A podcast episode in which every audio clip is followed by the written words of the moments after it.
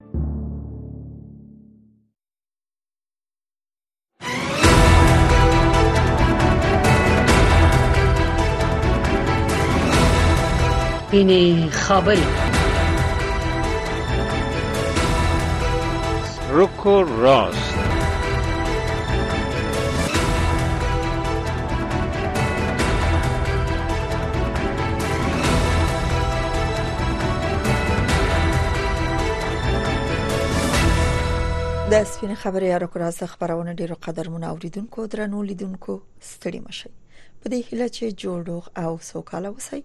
زه نو شباش ناز ما قدرمن همکار رویا زمانی د روان خبرونه کوربني یو په روانه خبرونه کې بیا هم د افغانستان په تړاو په مهمه موضوع د ملمنو نظر اخلو افغانستان لپاره د اروپאי ټولنې ځانګړي استاد توماس نکلسن وایي چې په افغانستان کې د 15 کلونو د جګړې وروسته له گاونډي هیوادونو سره دغه هیواد خې اړیکې ډېرې اړینې دي بله شنونده های محترم با تقدیم سلام همچنان آقای نیکلسن نماینده ویژه اتحادیه اروپا برای افغانستان گفته که روند برهبری ملل متحد بر افغانستان باید مکمل فرمت های منطقه‌ای باشد دا په داسې حال کې ده چې البته تر د نورو پښتنو ترڅنګ دا پښتنه به هم درانه ملمانه په خبرونه کې ځواب کې چې آیا د سیمې هیوادونه د طالبانو د حکومت سره د تعامل په برخه کې د اړیکو لپاره یو ګډ تعریف لري ولې اروپאي ټولنه د طالبانو سره پر اړیکو ټینګار کوي دا او نورې ورته پوښتنه ملمانه جوابوي بله خب این سوالات است که با مهمانای برنامه مطرح میشه اما نخست است که ما بپردازیم به این بخش برنامه میخواهیم که شما را دعوت میکنیم به شنیدن مشروع خبرهای این ساعت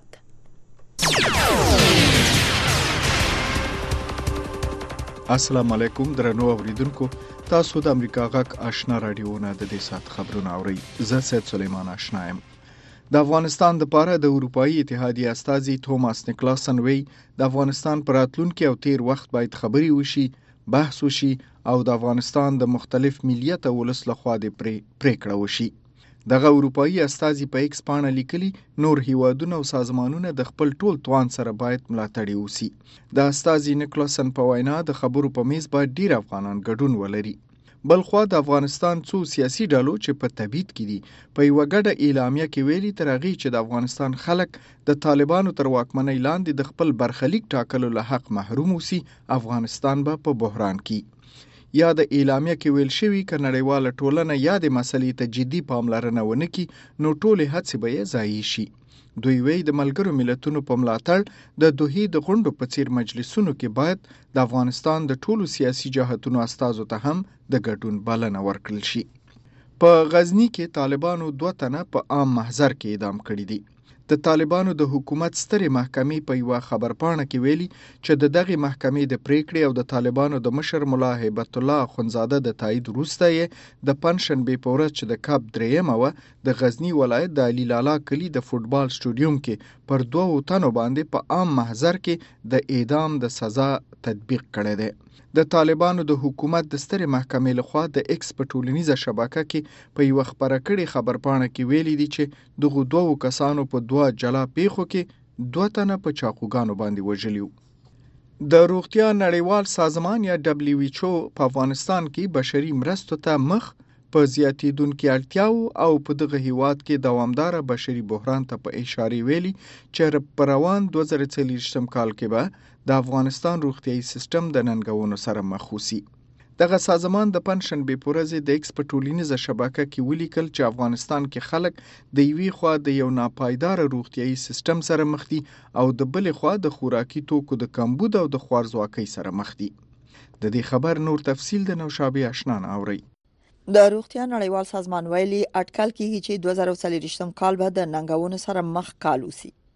ځکه چې د افغانستان د روغتیا سیستم د کمې پانګونې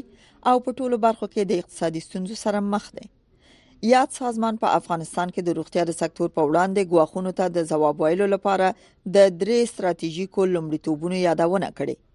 اول لر پرتو سیمو ته رسیدل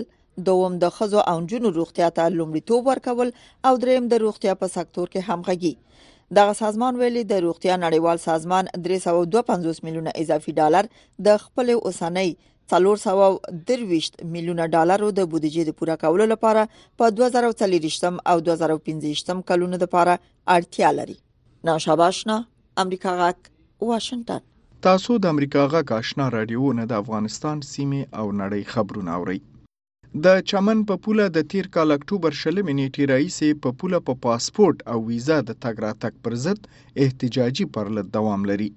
دغه اعتراضیه مظاهره ته په وینا کې د پښتونخوا ملي عوامي ګوند مشر محمود خان اڅکزي ویلي که حکومت د چمن د احتجاج کوونکو غوښتنې نه مني نو د سیمې د ولسي لښکرو سره به د ډیورن په کرښه لګېدلي اغزن تار ته لاس واچي او بیا یې چې د پاکستان حکومت ورته کومه سزا ورکوي هغه ورته تیار دی محمود خان اڅکزي د چهارشنبې په ورځې په چمن ښار کې د تیرو څلورو میاشتو څخه دوامداره احتجاجي پرلت ته ورغلی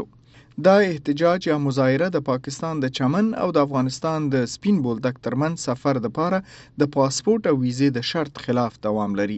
خو په بلوچستان کې د سرپرست حکومت د اطلاعاتو وزیر جان اڅکزي ویلي د پاکستان حکومت د تیر کال نومبر لومړی نیټې څخه د چمن په پوله د افغانستان سره د تګ راتګ لپاره پاسپورت لرل حتمی او عملی کړی دي د اسرایل پوځ د پن شنبه په ورځ ویل چې ځواکونو یې د غزې په شمالي ساحه کې خپل فعالیت پراخ کړی دی یادو ځواکونو ویلي چې د غزې په جنوبي ناحیې خان یونس کې هم عملیات دوام لري د اسرایل د دفاع وزارت د پن شنبه په ورځ یوه ویډیو خپره کړه چې په غزه کې د خپلو ځواکونو منډې او ډزې کول پکې ښیي د اسرایل د جنگي کابینې یو غړي بینی ګنتس د چهارشنبې په ورځ ویلي چې که حماس ډله موافقه ونه کړي چې په غزې کې پاتې برمته اسرایلیان خوشي کړي نو اسرایل به راتلونکې میاشت یعنې په روژه کې هم د رفح ښار په جنوبي ناحیه کې ځمکني عملیات پیل کړي د الباني پارلمان د پنځشنبې په ورځ د ایټالیا سره د مهاجرت او کډوالۍ اړوند یو موافقه تصویب کړه چې ایټالیا بل دی ورسته په الباني کې د کډوالو د تفتیش مرکزونه جوړ کړي دا موافقه لومړی ځل تیر کال نومبر میاشت کې اعلان شوې وه خو د پنجشنبې په ورځ د الباني د پارلمان د یو سلو څلوېښتو څوکیو نه اوه اویا یې د موافقې رایه ورکړه د دې موافقې له مخې د اروپایي اتحادیې غړی هیواد ایټالیا به اوس د الباني په ادریاتیک سمندرګي څنډو کې دوه لوی مرکزونه یا موقتي سرپناه ځایونه پرانیزي په یو کمپ کې به د نوو رسیدلو مهاجرینو اسناد کتل کیږي او په بل کې به د پناه اخستلو تر نیټې پورې مهاجرین ساتل کیږي او د جرمني د لویدیز ښار او پرتال په یو ښوونځي کې د پنجشنبې پوره څو ماشومان په چاقو وهل شوي دي پولیسو ویلي چې یو تن یې د دې برید په تړاو نیولی دی خو د نیول شوي کس هویت نه دی څرګند شوی ځایي رسنیو د امنیتي چارواکو له قوله ویلي چې برید کوونکی د همدې ښوونځي یو زده کوونکی دی د و پرتال پولیسو په ایکس ټولنیزه شبکه کې لیکلي چې ډیر شمیر پولیس د پیښې په ځای کې دي او د ښوونځي ماشومان ټپیان شوي دي سمدستي د ټپي شوو زده کوونکو شمیر نه دی څرګند شوی خو پولیسو سیمه ییزو رسنیو ته ویلي چې د ګوتو په شمار زده کوونکي ټپیان دي دا و د دې سات خبرونه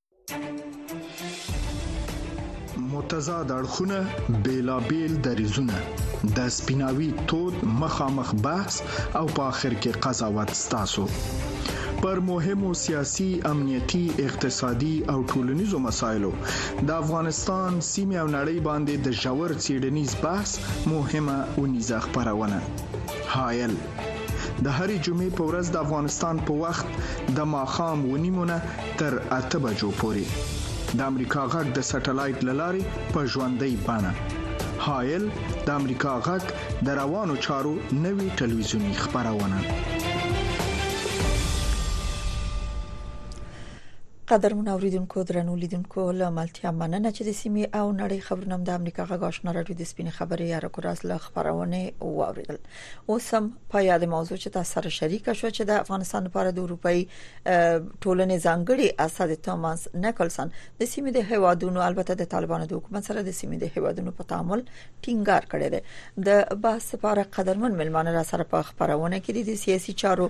دوه شنن کې سید بلال فاطمی صاحب او عین الدین بیگ صاحب ځان به متيقنه کو چې قدرمن ملمانه موږ سره په لاین کې دي فاطمی صاحب ستړي مشه زموږ غاوري بله سلام علیکم احترامات دې تقدیم شي نو تاسو ته نو شابه جان رویا جان ته او تاسو قدرمن ملما عین الدین بیگ صاحب کورم ودان بیگ صاحب تاسو هم خراغلاست یم غږ مې اوري سلام و عرض درود دارم خدمت ما و جناب فاطمی گرامی میمان عزیز شما و شنوندای عزیزتان خانه آباد آقای بیگ پختنه بم روی جان اساس با اجازه خواهش میکنم بفرمایید معرفت په زمن کې پښتنه مطرح کوم فاطمی صاحب ولی اروپאי اتحادیه یا اروپאי ټولنه د طالبانو د حکومت سره په تعامل ټینګار کوي بسم الله الرحمن الرحیم تاسو معلومه ده چې د دوه کالو شپږ میاشتو تجربه دا وخدله چې څومره چې فاصله ونیول شوه اما غمره ضرر د افغانستان ملت ته ورسید او شرونو په طالبانو باندې کوم نتیجه ورنکړه بلکې طالبان خپل نظام ته په کوم حالت کې شي دي د پاندې حالت خوشاله دي ځکه دی هغه دی په خپل آرام دی دی کورنۍ آرام ده مشکل چې دی د ملت لپاره دی او خلکو لپاره دی او د د د لار د حل هم دا چې نړیواله ټولنه به د افغانستان سره نږدې اوسي تر څو وشي کولای دا مشکل حل کړي یعنی ډیرو بخې چې خبره کې درلېګم فاطمی سبیان تاسو چې طالبان په دې حالت خوشاله دي یعنی دوی د تعامل غوښتونکي نه دي دی تعامل په هغه شرایط غواړي چې دی په شرایط تاسو پر رسمیت وبیني دی خوشحالي کله چې تاسو بین المللي قوانینو لاندې شرایط وړاندې کوي چې تاسو باید د بین المللي مراودې ومني اګریمنټونه کنوانسیونونه دا ومني د هغه په شرایطو باندې رفتار وکړي او هغه باید تطبیق هم کوي چې افغانستان د هغه امضا کوونکې د دینونو سره شپږ څلوي خپل نه را پدې خو د د چارټر د ملل د حقوق بشر 1930 د هغې دویم پروتوکول 1918 د دې ټولو قوانینو افغانستان امضا کوونکی دی او د حصه ده نو په دې اساس باندې دی دی تمایل لري د رسمیت پیژندل لپاره دی خوشحاليږي دی پر مګرم دوی په یو طرفه تعامل غواړي ځکه خو زه همیش دا ویم چې طالبان د تعامل په معنا نه پیږي تعامل دوه طرفه حرکت ته ویل کیږي او طرفه ته نه ویل کیږي بله. اما طالبان یو طرفه یې غواړي دغه یو طرفه درست نه دی مګر ن- نړیوال اوس په دې پوه شوي دي چې څومره فاصله اخلي دا په ضرر د افغانستان دی همدې لپاره پروسه کال په 2023 کې اولین ځل لپاره په ملګرو ملتونو کې کله چې روزوا او تنبای و مقرره شوله د هغه اوله خبره امدا و چې موږ باید د هغه نرشته مخ کې د هغه د ملګرو ملتونو د منشي معاونه هغه خانم محمدي هغه دا خبره وکړه چې لری کېدل په zarar دي خدا د بیا د عکس العملونو سره به چاره مخامخ شول بیا خاموش شول خو دا هغه دا نظر چې باید یو نوع تعامل د اسلامي امارت سره ووسي تر څو لارې خلاصې شي او وشو کولای او زما خپل هم دا نظر دی چې د لرې کېدلو سره مشکلات زیاتېږي زه وایم چې نیمه تعامل ګوري دغه رسمي پیژندنه دغه قونسلي خلاصول دا رسمي پیژندنه نه ده دا ډیر اکثره خلک دا په غلط اخلي قونسلي چې خلاص شي علوي طالب پر رسمیت پیژندنه رسمیت پیژندنه کامل مکمل پروتوکول لري او ځان ته سیستم لري او د د قونسلي خلاصېدل د سفارت خلاصېدل لپاره د لور لرلو مراوده دا رسمي او سیاسي مراوده نه ده رسمي پیژندنه نه ده نو زما په نظر باندې دا د دویمې سطح مراوده ساتل دا لازمي ده لپاره دی چې طالبان کاملا د لاس نه ونه وځي او وشو کولای په دې ځکه چې تاسو هلته موجود اوسئ تاسو استاد چې هلته اوسئ تاسو بهتره کولی شئ مراوده او خبرې وکړئ نسبت د دنه چې تاسو وایئ چې نه موږ تاسو سره خبرې نه کوو تاسو په رسمیت نه پیژنو او هغه په دې خوشاله نه نه فاطمه صاحب bale تاسو وایئ چې د اروپאי اتحادیه ټینګارم طالبانو سره تا په تعامل پدې دی چې دلته د افغانستان ولس او ملت مطرح دی کور ودا آقای بیگ میخوایم در آغاز برنامه شمایی را پرسان کنم که شما چگونه سخنان و اظهارات آقای نکلسن در با توجه به نشست دوها و ختم نشست دوها چگونه بررسی میکنن که اونا چی میخواین اتحادی اروپا چی میخواین از طالبان عرض درود و سلام مجدد خدمت همه بزرگوارا و عزیزان در مورد سخنای نیکولاسن باید اینطور عرض بکنم که گپ بسیار مهم و اساسی را اشاره کردند اونا بله. فرمت منطقه‌ای را مطرح کردن در حل مسئله افغانستان بسیار گپ مهم است کشورهایی که در اطراف کشور ما حضور دارند متاسفانه در تمام سالهای گذشته اینا دخالت مستقیم داشتن و یا یک جنگای شان در افغانستان اینا انجام دادن حالا شما رقابت ایران و عربستان سعودی را به شدت در افغانستان دیدید رقابت هند و پاکستان را به شدت شما مشاهده کردید تا همین حالا هم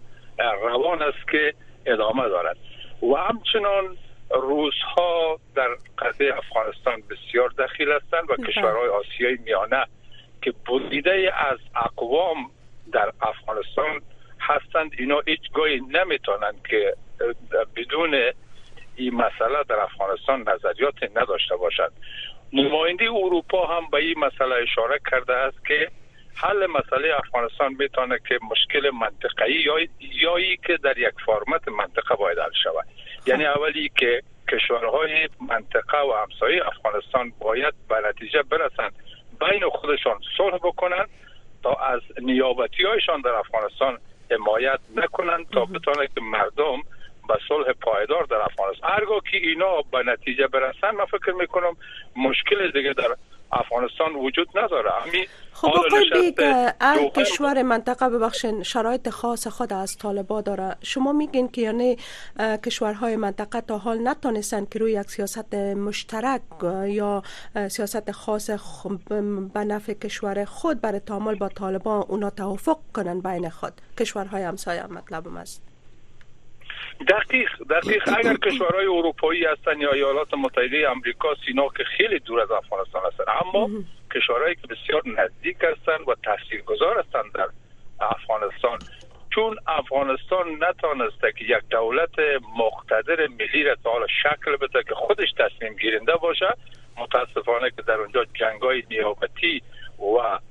اقتصاد مافیایی و اقتصاد جنگی همیشه در افغانستان وجود داشته اگر کسی پول داده در اونجا بهترین سرباز استخدام کرده و به نفع کشور خودش کار کرده اینه که ما و شما خوب دقیق میفهمیم حالا چینایی ها اهداف خود دارن پاکستانی ها اهداف خود دارن و ایرانی ها که گپ خود دارن روسا همچنان و کشورهای آسیای میان همچنان گپای خودشان دارن بله. اینا هر زمان هم که به نتیجه برسن بین خودشان صلح اول بکنن و بعد از او بیاین روی یک نظام در افغانستان توافق بکنند که به میان بیاید ما فکر میکنم که مشکل زودتر حل میشه متاسفانه که ما تا حالا اون چیزی را که کشورهای همسایه و منطقه در یک تصمیم قاطع برای رسیدن صلح در افغانستان یا خاتمه جنگ در این کشور بوده باشه ما و شما مشاهده نکردیم تشکر مننه بیگ صاحب فاطمی صاحب څه فکر کوئ چې د سیمې هیوادونو تر اوسه د طالبانو سره د تعامل لپاره په یو ځانګړي سیاست یا تعریف چې لمخې طالبانو سره اړیکې د سیمه هوادونه وپالي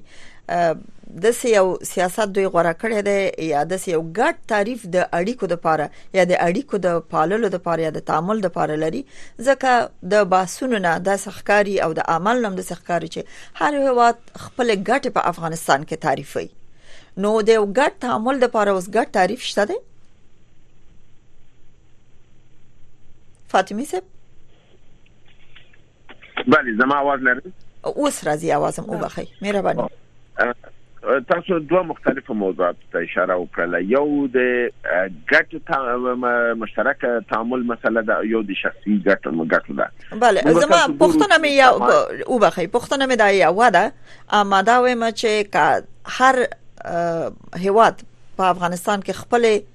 ګټ تعریف کی نو بیا د ګټ تعامل لپاره دوی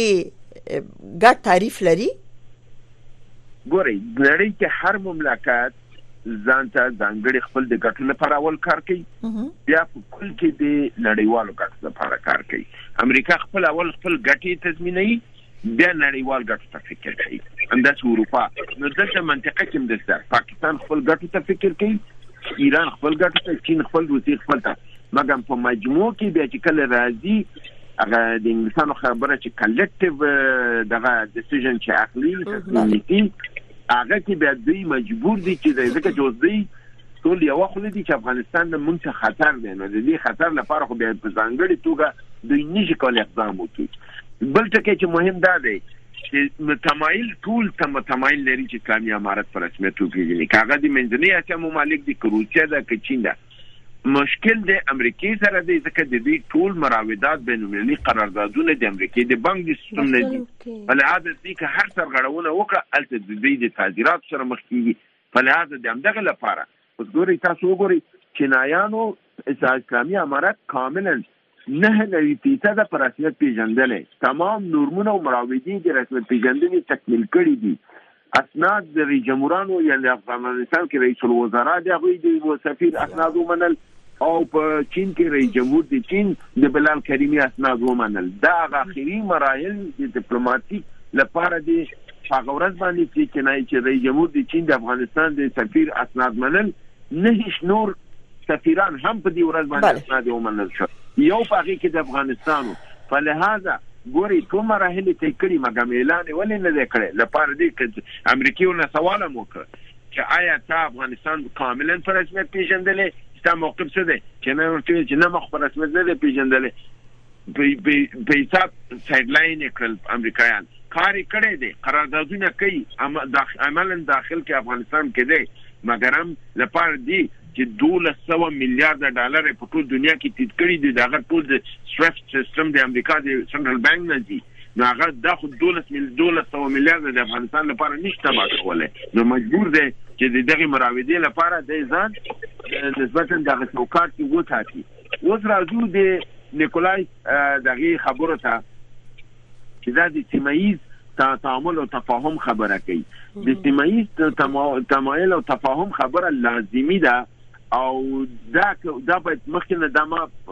سوزدلی دا ته پیشنهاد طالبانو ته کړو چې تاسو غواړئ خپل نظام جوړ کړئ په خپل ودراوي د بین المللي رسمیت پیژندنې په څیر په دې مګر نه چې امریکا په 15 اتلس آینده کلونه کې تاسو رسمیت نه پیژني چې تاسو رسمیت نه پیژني ته سیمه ایزه تعامل باندې کار وکړي چې په هغه جمله کې د یو اقدام د چینایان سره وکړ زه فکر کوم روسان هم دغه یو تمایل ته حاضر دي ایرانیان هم او هندیان هم پاکستانیان په دې نه دي هغه د امریکای په اشاره باندې دي او دا په افغانستان کې کوم جنگ مسله چې دا دا به د کې په اشاره د پاکستان په لار کې دي او د پاکستان په دې جمله کې نه حسابوم اما د نور ممالک تمایل لري خو دلته موږ ټول بحث دی نیکولایس په خبرو باندې کوو بله و نیکولایس کړی دا د دې د خبره نسبتا ماته خطرناک ښکاری دا د سیمایي تعامل خبره نه کوي د بل خبره کوي دی وی چې نړیوال به د افغانستان لپاره د ځانګړي استاد د تاکلو او د یو نوي جوړښت لپاره دا ټکی ډیر مهم دی یو نوي جوړښت لپاره اړوند د هوادونو او ښايي لویو هېوادونو څخه یو ګروپ او تر شا یې یو بل لوی ګروپ یو ګروپ او تر شا یو بل لوی ګروپ جوړ کړي او مشورتي دا وکړي تر څو افغانستان په متعلق اقدام وکړي دا ګوري د دنه مسله د تعامل سیاسي بوی نه راځي د دنه د یو د سیاسي نظامی تعامل بوی راځي او دا به صحیح در و پس معلومی خود جمله دی خطرناکی آقای بیگ میخوایم که نظرات شما را در مورد اظهارات آقای فاطمی داشته باشیم مونا میگه که یک اظهارات خطرناکی است و ای که شما از نظامی که کشورهای منطقه و همسایه برای ختم جنگ افغانستان یادآور شدن آیا همچی یک نظام مورد قبول طالبا قرار خواد گیره یا خیر فکر می کنم که یک چیز بسیار خوب انتخاب کرده دنیا تعامل تعامل در فارسی داد و ستود فقط معنا میده دیگه معنای بالاتر از اون نداره که در سطح دیپلماتیک چه ارزشی داره تعامل خب. یعنی او مراحل دیگه است که در مراحل رسمیت شناسی بعد از تعامل شما بیرون میشه میری مثلا یک کشور یک نظام به رسمیت بشناسه خب. اینا بسیار خوب انتخاب کردن که گفتن تعامل باید صورت بگیره یک داد و ستود سطحی در هر سفارتخانی هم که طالبان نمایندگیشان باز میشه به خاطر کارهای کنسولی بسیار ضرور است مثلا چین بزرگترین صادرات و واردات بر افغانستان داره خب لازم است که کسی در اونجا باشه کارا را انجام بده اما ما فکر میکنم که طالبان بسیار رای درازه، تا رسیدن به رسمیت شناسی دارند که اینا هیچ گاهی به میارای بین المللی و آنچه که کشورها به او احترام دارند طالبان احترام نکردند همیشه سرکشی کردم و ما و شما میبینیم که اگر قطار بکنیم یک مشکل دو مشکل سه مشکل چندین مشکل وجود داره که تا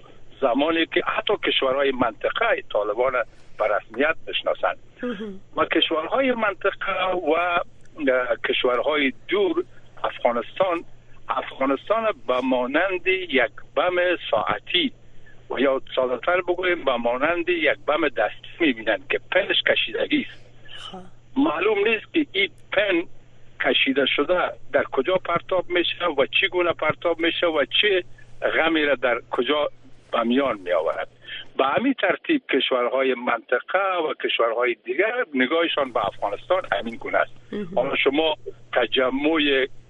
تروریست های بین المللی در افغانستان میبینید چگونه وجود دارند و طالبان هم که یک نظام مثلا اردوی منظم ملی وجود نداره فقط اینا آمدن در فرقه ها هر کس افراد خود آورده ملا فلانی مثلا 5000 نفر ملا فلانی 500 نفر فرقه و و کندکار را پر کردن سلاح را گرفتن یک اردوی که اطمینان منطقه نسبت به او باشه و اطمینان کشورهای دیگر باشه که اینا در پرنسیب های بین المللی عمل کنند متاسفانه در افغانستان وجود نداره تمام کشورها نگاهشان به افغانستان یک نگاه اونمو تعامل فقط یک داد و ستد سطحی است که اینا چطور بتانن یک روابطی را با اینا نگاه بکنن اما عمق مسئله بر رسمیت شناسی که طالبان بر رسمیت بشناسن همه ایشان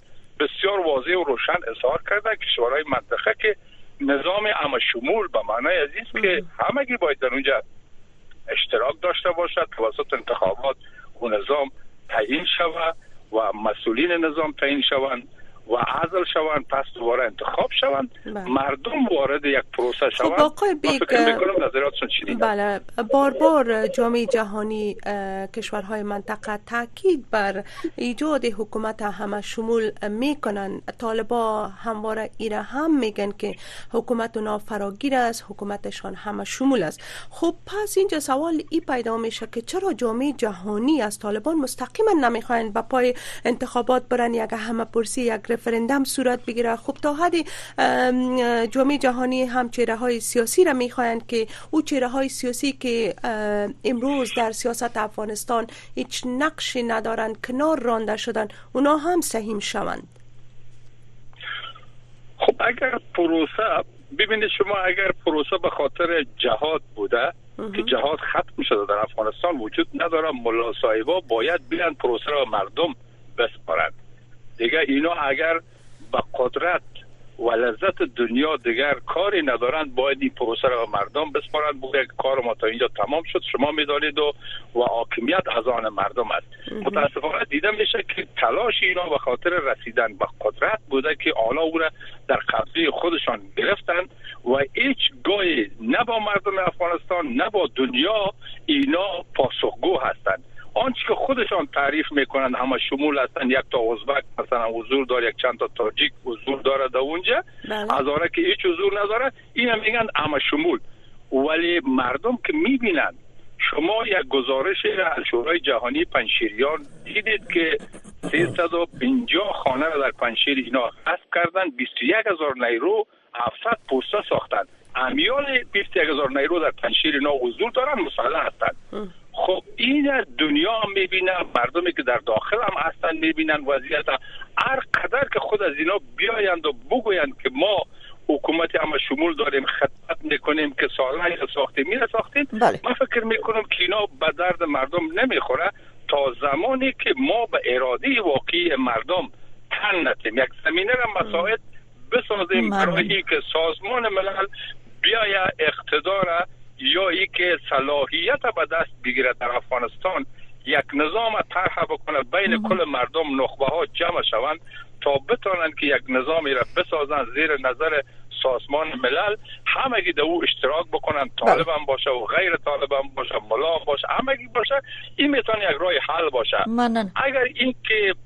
بیایند و خودشان جا بزنند در حاکمیت و دیگران را به حیث یک سمپل یا نمونه در کنار خود بیارن که فلانی حضور داره فلانی حضور داره من فکر می کنم که کشورها بسیار دقیق وضعیت افغانستان زیر نظر دارن با حاکمیت طالبان بازی میکنن تشکر ډیره مننه بیک صاحب فاطمی صاحب د ټول شموله حکومت یادونه وشو چې د اروپאי ټولنې د استاذي په شمول د امریکا نور هوادونه همیشه د افغانستان په تړاو په باسونو کې د ټول شموله حکومت ټینګار کوي پر ځال کې چې طالبان وایي چې زموږ حکومت ټول شمول دی او شرایط د حکومت ولې برابر دي اما د تفسیرو لپاره چې مبصرین دغه ټول شموله حکومت اول خو د افغانستان لپاره ټول شموله حکومت یو ګټ تعریف چې نړۍ ټول شموله حکومت د خپل نظر نه د دیدګانه څنګه تعریفي او افغانان او سیاسيون په خپل منځ کې ګټ شمو د ټول شموله حکومت څنګه تعریفي د یو ګټ تعریف د نړۍ د سیمه او د افغانستان ترمنځ موجود نه دی یا نه دی پیدا شوی یو مشترک تعریف بل انتقادونه دادي چې مجاهدینو مثلا د برین وروسته کله چې د افغانستان حکومت ونیو د جهاد په امتیاز شل کاله جمهوریت هم وننګو البته دا انتقادونه موجود دي د مبصرینو اوس طالبان د جهاد په تمه چې د جهاد په امتیاز کې چې گویا زموږ مجاهدینو جهاد کړی دی تر ټولو ډیر امتیازات هغه ته قائل دي ام د سټ نوري سیاسي ډلې هر یو خپل لیدلوري لري او ځان مستحق ګڼي فکر کوي چې دا ډلې ډلګي چې څوک د مجاهدینو په نوم څوک د نور نور ګوندونو په نوم دوی یو مشترک تعریف پیدا کولای شي کداغه امتیاز طلبي او هر یو ځان ته فوقیت قایلی ټول شمول حکومت افغانستان لپاره لکه سهامي شرکت غوندې کار ورکي یا جوړیدل امکان لري ګورئ یو خو هغه ټول شموله دی چې زه به ما خبرو بل دي نه شروع کوله خو ما ذهن بل خواته لاړ زه به داسې ویم چې کم ټول شموله چې اروپا او غربي نړۍ او دنیا وي دا د حقوقي نقطې نظر نه کم هیڅ بنیاد او بنسټ نه لري دا یو نوې شی دی چې د کړې تاسو په حقوقي دغه منابعو کې په نامه د حکومت یا مشمول په نړۍ کې په هیڅ نقطه کې د څه شي نشي پیدا کولای نو په لحاظ د دوی نظر مردود دی د طالبانو موقف هم صحیح نه دی چې د یوې چې زموږ حکومت هم شمول دی دا حکومت هم انتخابات ته هم شمول ویل شو چې ملت اولس پکې ګډون وکړي نه او زه به د تاسو بل سوال وکړم که زه هغه اول سوال پوره کړم د دې ځواب مهرباني تکمیل ته مهرباني د د نه د طالبانو نظام هم شمول دی او نه چې دنیا غواړي هغه لري هغه غلط دی مګر هم افغانستان یو هم شمول همګیر نظام ته ضرورت لري او هغه تاسو ویلې چې آیا دغه کوم نظام چې مخکې په جمهوریت وخت جوړ شو او حکومت وحدت ملي ورته نوم کې خوده په دا رقم نظام کې چې ته بیا افغانستان ته راشي افغانستان بدبختۍ خواته ځي مګر د دې معنی دا نه ده چې موږ خلک د نظام نه وباسو مخکې موږ ورورم د په دې خواته اشاره وکړه چې په دې نظام کې تاجک هم شته ترکمن هم شته هزاره نظری صاحب هم هلته شته دی نور هزارهګان هم شته دی مګر که ګوري دغه هزارګان دي که ازبکان دي که ترکمنان دي او که پښتانه دي د ټول یو پیشوند دی پیشوند دی دا دی ملا که ملا نه اشتراک نشي کولای مونږ وایو چې نه نظام باید داسې نظام وسی چې هغه ته افغان اشتراک وکړي او هغه کې پوی خلک اشتراک وکړي ډاکټر یې انجینر یې پیجدي چې نظام مخکې لاړ شي نه باید لازمه نه چې پیشوند باید ملا وسی نو دا نظام هم شمول په دې نه دی چې که په دې کې هر څو ګندي هغه ټول ملا دي په لحاظ دا نظام دی یو ګرو او دی یو ګروپ په شکل کې دی دې کې ټول شامل په دې نه دي چې دې کې هر آزاد انسان هر دانشمند هر یو چې فهم انسان ځان نشي پکې کتلی په لهذا نه دی نه دی غنی او د کرزی او د عبد الله غوندې وحدت ملي زموږ په کار دی او نه دی طالبانو غوندې دا نظام زموږ داسې نظام په کار دی چې د افغانستان وحدانیت وساتي مرکزی حکومت په استقلالیت او په قوت سره وساتي مګر هم په دې کې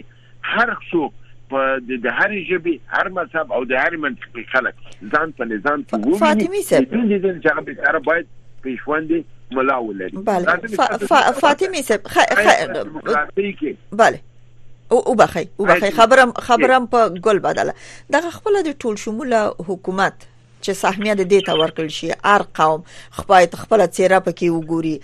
هر سیاسي ډله ټپله باید خپل چیرې پکې وګوري فکر نه کوي چې دا د یو افغان پونم راټولیدل دغه ماهیت او اصلیت په خپل د منځوړي شایسته سالری د منځوړي هر څوک به خپل سهمیه اخلي لکه یو شرکت کې چې څوک ګډون کوي ټینګار په دې دی باندې ټول شموله ما فکر نه کوي عقوبت د سکیږي نه ګورې مونږه سهمی والا را دو کنه مونږ نه وایو چې فرزن دا د هزارګانو سهمی ده او هزاره یو بی سواد لکه د مخکې تاسو مثال د مجاهدینو ورکه سهمی اخیستلې د د هر د د شیرزوی ځان ته سهمیه او د زایر قدیر د زوی ځان ته سهمیه او د اسماعیل خان ځان ته سهمیه دا غلط ده منګوی د هر قوم نه راوله په اساس د اهلیت او علم راوله په پی پادارګانو کې هم دا اوس دونه پی ایچ ډي ډاکټران دي چې په هیڅ بل قوم کې نشته دی بله. باید په اساس قومي مه راوله په اساس د فهم دانش راوله په ازبکو کې شته دی په تاجکو کې شته دی په پښتنو کې شته بیا هغه کې په هغه صورت کې بیا دا په دغې نه راځي دا سهمیه چې ده دا غلط کار دی سهمیه ده چې نظام وده کوي ځکه سهمیه کې فرزند سیاف به ویلې په دې کې زما پنځه والیان درې سفیران پنځه وزیران دي نو هغه به خدای وکړي چې خپل مزدور به راوسته خپل ډریور به او دغه جاهد چې وزیر داخله و دا جاهد چې احمد شاه مسعود باډیګارد نو تا وګوري هغه دریم صنف پورې مکتب ویلی و نو هغه راوست ځکه سهمیه کې و دې ته چا نه کتل چون دا د احمد شاه مسعود باډیګارد او د جهاد کړو هغه کې تعلیمي دلوده کنه دلوده راوست وزیر داخله کړ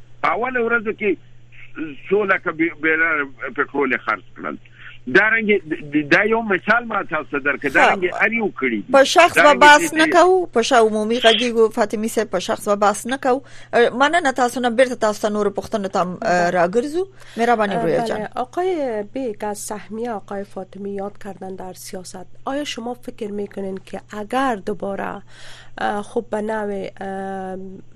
سخنای از ایجاد یک حکومت همه شمول به میان بیاید در گذشته اختلافات زیادی قسم که آقای فاطمی بود که هر کس هم سهمیه خود به می گرفت و هر کس به جایی که می خواستن او را انتخاب استخدام کنن شما چی فکر میکنین که همچو یک چیز دوباره اگر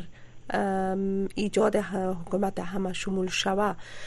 اما مشکل گذشته دوباره تکرار نمیشه به نظرتان؟ آقای فاطمی یک موضوع بسیار خوب اشاره کردن که افغانستان به حکومت همه شمول نیاز داره حالا که دنیا خوب پور معرفی میکنه یا که عنوان میکنه اما ای که در سرزمین به نام افغانستان کشوری با تنوع قومی زبانی مذهبی چی گونه یک نظام میتونه که در اینجا اداره بکنه یا مردم از او راضی باشند باید در پای اون باید بود متاسفانه که هنوز اونمو در دیره که اینمی کشور داره نسخه برایش ارائه نشده هر کس به زعم خودش هر چیزی را خواسته یا قومی که خواسته که بیایه و حاکمیت مرکزی را در دست داشته باشد دیگه را به بهره بسازه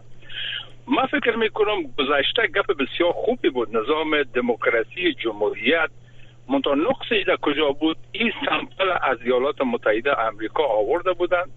اینجا تطبیق کردن ریاستی اما چیزی که بود داشت او عبارت از دو موضوع بسیار عمده یکی اعضا در پارلمان وجود نداشت و دوم افغانستان فدرالی نبود نظامی که در امریکا هست این فدرال است بعد از ریاستی از که در حکومت مرکزی داره متاسفانه تمام قدرت آوردن در ریاست جمهوری انبار کردن از اشرف غنی و کرزه سلطان جور کردن و او پادشاه مطلق شدند اینا تمام صلاحیت ها به دست اینا رئیس جمهور بود شما برید قانون اساسی یک بار بخوانی که تمام صلاحیت ها در اختیار یک نفر افغانستانی که با تنوع قومی وجود داره که انکار کردن نمیتونه کسی ایره که نیست بسیار نیاز است که اول باید ما نسخه را برای درد افغانستان پیدا بکنیم مطابق اون نسخه تا درمان این درد شود بریم های را پیدا بکنیم چگونه ما اول باید قوم های افغانستان را به رسمیت بشناسیم هایش را به رسمیت بشناسیم اعتراف بکنیم که اینا وجود دارند و فرهنگش به رسمیت بشناسیم هر نوع ادغام قومی زبانی به نفع افغانستان نیست تشنج زیاد میکنه تشدید زیاد میکنه یعنی ما فکر میکنیم که نمی رای است که ما چند سبایی را میگذرانیم و اینمی در دست ما است و غنیمت است اما به حد دردش فراوان است که در آیندهها این زخم ناسور به مانند زخمهای دیگر سر هم انبار میشه بالاخره برای یک بله. انفجار آماده میشه متاسفانه که ما آرزوی ما ایست که ما بیاییم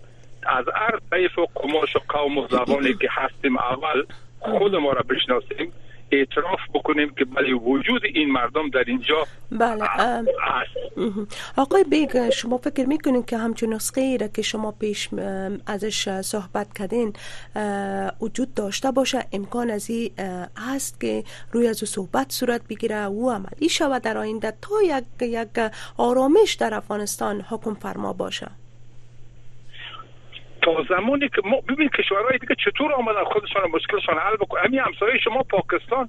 پاکستان نظام فدرالی است زبانش اردو است سرود ملیش فارسی است این ببینید چقدر نامش پاکستان است پنجابستان نیست اینا آمدن خودشون را بازسازی کردن و هیچ تمام قناعت پاکستانی ها در او فراهم است پشتون ها یک حاکمیت جداگانه دارن بعد پاکستان هستن پنجابی ها همچنان خویی که مشکلات در بین خودشان هست و اقتدار میان در دست میگیرن ولی زمینه زمینه ساخته شده که کسی نمیتونه مخالفت علیه نظام بکنه متاسفانه در افغانستان ما چینی چیزی را نداریم هر کشور مطابق تنوع اجتماعی خودش نظامی را ساخته خب. مثلا شما سوئیس هم میبینید مثلا در اروپا میبینید در آمریکا در تمام کشورها یک جا فدرال است یک جا نظام ریاستی است یک جا پارلمانی است اینا به خاطر عزیز که اونا تشخیص دادن که ملتی که در این زندگی میکنه اول ملت سازی شدن بعد از توافق کردن بیگ صاحب ډیر وخی بیگ صاحب بیگ صاحب د خبرونه ورسته شي بي د بحث راټوله خو ماته یو لند جواب راکړي د ملت سازي په برخه کې فکر کوي تاسو پاکستان مثال ورک دا یو ښه مثال دی بسیار ما ما واقعا که بسیار پاکستان رو میبینم که چقدر اینا فکرشان کار کرده که چینی کار را کردن اونا پاکستان نام فرهنگی را انتخاب کردن برای کشور خودشان نه د ملت سا... د ملت سازی په برخه کې د پښتنو ورسته وګوره د بلوچ ورسته وګوره یا د نور قومونو چې وسور پسې را پاسیدلی دی او د ډیرو حقونو نه ځان محروم غني فکر کوي چې دا ملت سازی خده ما خب، من منظورم ایست که یک بستر برای برای از که در قانون اساسی خودشان آماده ساخته باشند برای مردم ارائه کرده باشند که ما چنین چیزی را داریم بله. و این مخالفت هایی که صورت میگیره اخوری هایی که از پشتونا صورت میگیره و او طرف از بلوچا که سهم اساسی در اردو و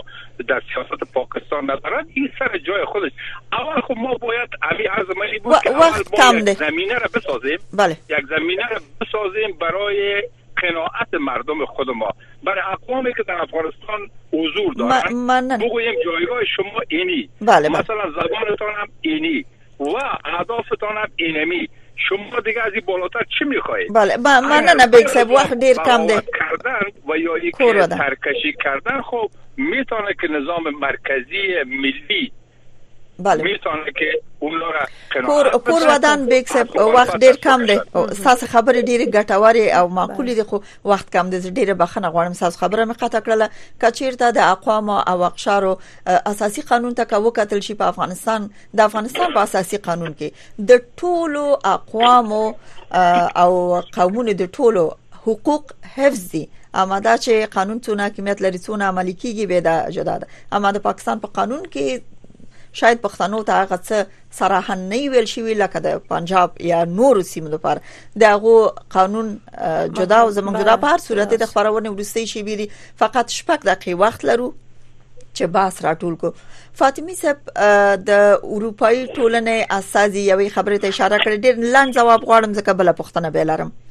وای چې د ملګرو ملتونو په مشرۍ یو پروسه باید د سیمې د فارمټونو تکمیلون کی نه ځای ناست دا اشاره څه شي ده دا ځکه چې لاند په لاند د دوه غونډه د ملګرو ملتونو په مشرۍ پای ته ورسیده د باندې زه نه پیږم چې دا زیناست چې زیده څه شي وي چې هدف یې څه دی چې هم غواړي چې باید دغه یو کمیټه او پروسه ورته جوړه کړي او هم وایي چې زیناست نه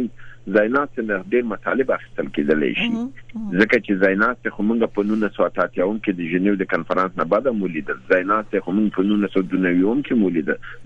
زیناست خو په 2001 د بن په کانفرنس کې موږ لیدل ټول ناکام ها یعنی تاسو په نظر دغه مسله ګونګه د رازم بلې پښتنه ته چې د خبرونو دوسې شي بي د بیگ صاحب نظر مخلو په اخره کې د اروپאי ټولنې استاذي د افغانستان په تړه ویل دي چې د افغانستان په تړه هر خبره چې کیږي باید په مجلسونو کې ډیرو افغانانو ته برخه ورکړل شي د مختلفو اقشارو خلک باید کټګوري خلک باید یو ډیر افغانانو ته برخه ورکړ شي د دوه غونډه منګو لیدل چې د ټول مدني ټولنې څلور کسان ورغلي و ما طالبانو د ورتک نه ډډه وکړه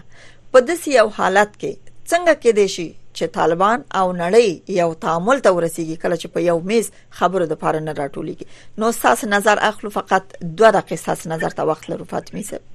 ګورې زه دا وایم چې کنړی غواړي چې مسله حل کړي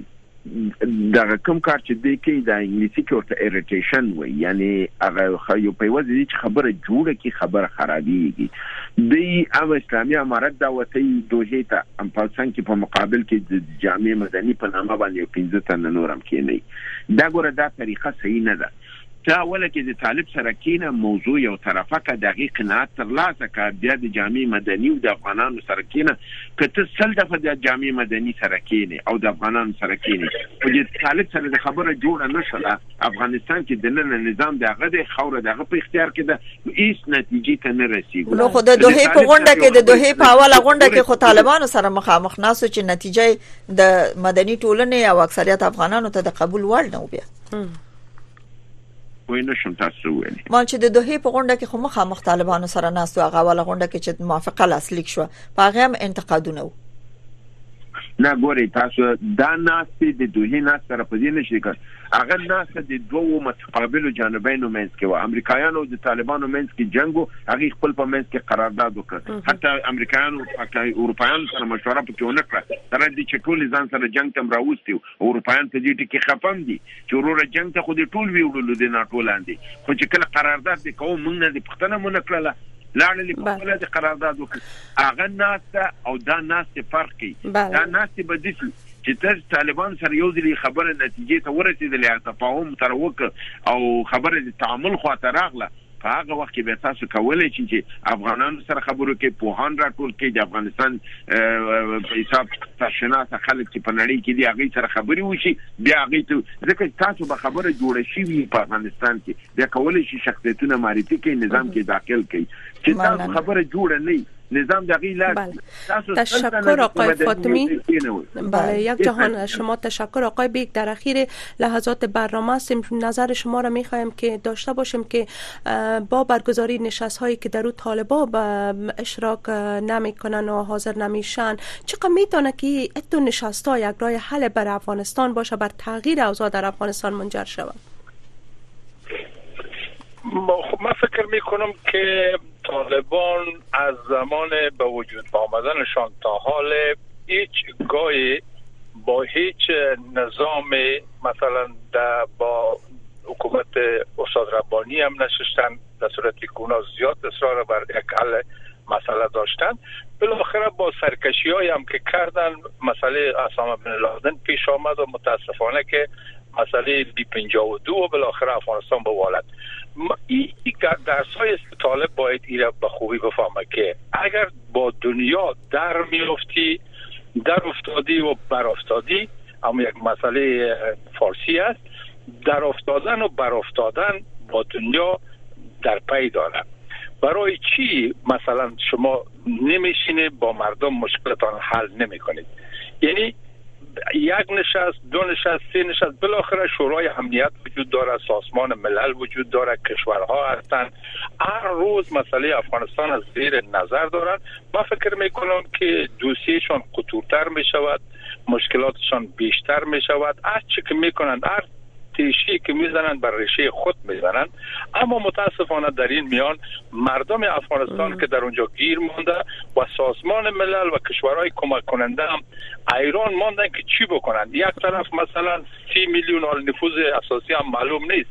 به اساس نفوذ شماری که چقدر است خب همین سی میلیون یا 25 میلیون یا 40 میلیون انسانی که در اونجا هست یک 20 میلیون زیر فقر قرار داره یک واژه به نام تعامل آورده دنیا پیشکش کرده با همین روند پیش میره تا بتانه که هم مردم از گرسنگی نجات بده و هم یک حاکمیتی که در اونجا آمده به زور تفنگ حاکمیت خودش گرفته هیچ پاسخگو هم به دنیا نیست این یعنی می روند تا یک جای میتانه که بله. پیش بره بالاخره این هم آوارگی و این هم دربدری که برای مردم افغانستان در کل کشورهای دنیا حضور دارند بالاخره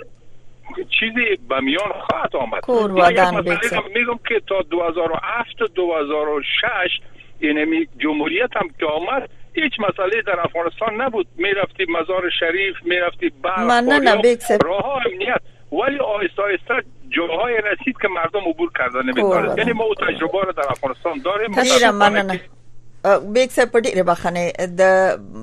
سپین خبري ارو کراس خبرونه په همدې ځای البته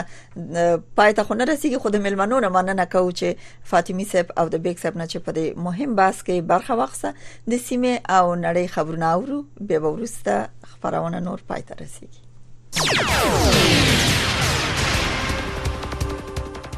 شنونده های عزیز سلام میرویس رحمانی هستم با تقدیم خبرهای برنامه این ساعت توماس نیکلاسن نماینده ویژه اتحادی اروپا برای افغانستان میگوید که یک روند درباره افغانستان به رهبری ملل متحد باید مکمل فرمت های منطقی باشد و نه جایگزین آن او که از نشست دوها روز گذشته به اروپا برگشت در رشته پیام های در اکس نگاشته که پس از 45 سال جنگ در افغانستان روابط خوب با همسایگان آن ضروری است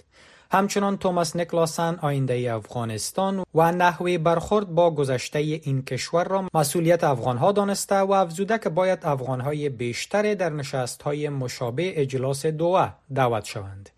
این در حال است که تحلیلگران به این باورند که کشورهای منطقه تا اکنون نتوانسته روی یک سیاست مشخص برای تعامل با طالبان توافق کنند و دلیل آن برآورده نشدن شرایط است که این کشورها از طالبان مطالبه دارند. کشورهای همسایه افغانستان و جامعه جهانی از طالبان خواستند که یک حکومت همشمول را تشکیل دهند و به حقوق زنان و اقلیت‌های قومی و مذهبی احترام کنند.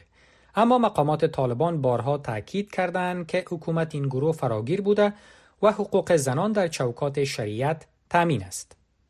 سازمان جهانی صحت با اشاره به های فزاینده بشری و بحران انسانی پایدار در افغانستان گوید که سال روان میلادی برای نظام صحی این کشور پرچالش خواهد بود. این سازمان امروز در شبکه اکس گفته که شهروندان افغانستان یک سیستم صحی ناپایدار را تحمل می کنند و با کمبود مواد غذایی و سوی تغذیه روبرو هستند.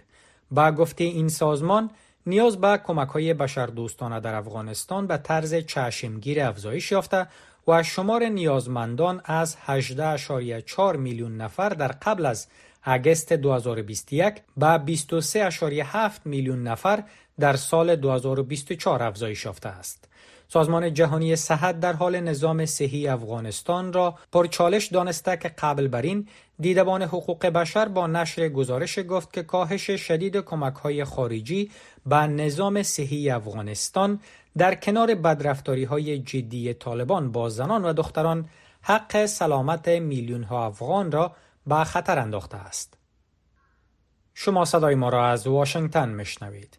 در اثر بمباران اسرائیل بر شهر رفع در باریکه غزه یک مسجد و چندین خانه رهایشی کاملا تخریب شد. تفصیل بیشتر را از سحر عظیمی مشنویم. مقام های صحی فلسطینی گفتند که در اثر حملات هوایی و زمینی شب گذشته اسرائیل بر بخش های مرکزی و جنوبی باریکه غزه حداقل 48 نفر به شمول زنان و کودکان کشته شده و شمار مجموعی کشته شدگان فلسطینی از آغاز حمله اسرائیل بر غزه در هفتم اکتبر به 30 هزار نفر رسیده است. این در حالی است که اداره ملل متحد و وزرای خارجه کشورهای اروپایی بار دیگر خواستار برقراری بس در غزه شدند و در مورد بدتر شدن وضعیت بشری و احتمال مرگ و میر فلسطینیان در اثر گرسنگی هشدار دادند در همین حال بنی گانتز وزیر دفاع اسرائیل ناوقت شب گذشته گفت که تلاش های تازه برای توافق روی برقراری آتش در غزه و رهایی تمام گروگان های اسرائیلی از بند حماس ادامه دارد این مقام اسرائیلی اما هشدار داد که اگر حماس تمام گروگان های اسرائیلی را رها نکند اسرائیل حمله بر شهر پرجمعیت رفح را در ماه رمضان آغاز خواهد کرد این در حالی است که سفر اسماعیل هانیه رهبر حماس به مصر امیدواری ها برای برقراری آتش بس در غزه را افزایش داده است با این حال یک مقام ارشد حماس گفته است که اسرائیل از شرایطی که قبلا با آن توافق کرده بود اکنون عقب نشینی می کند.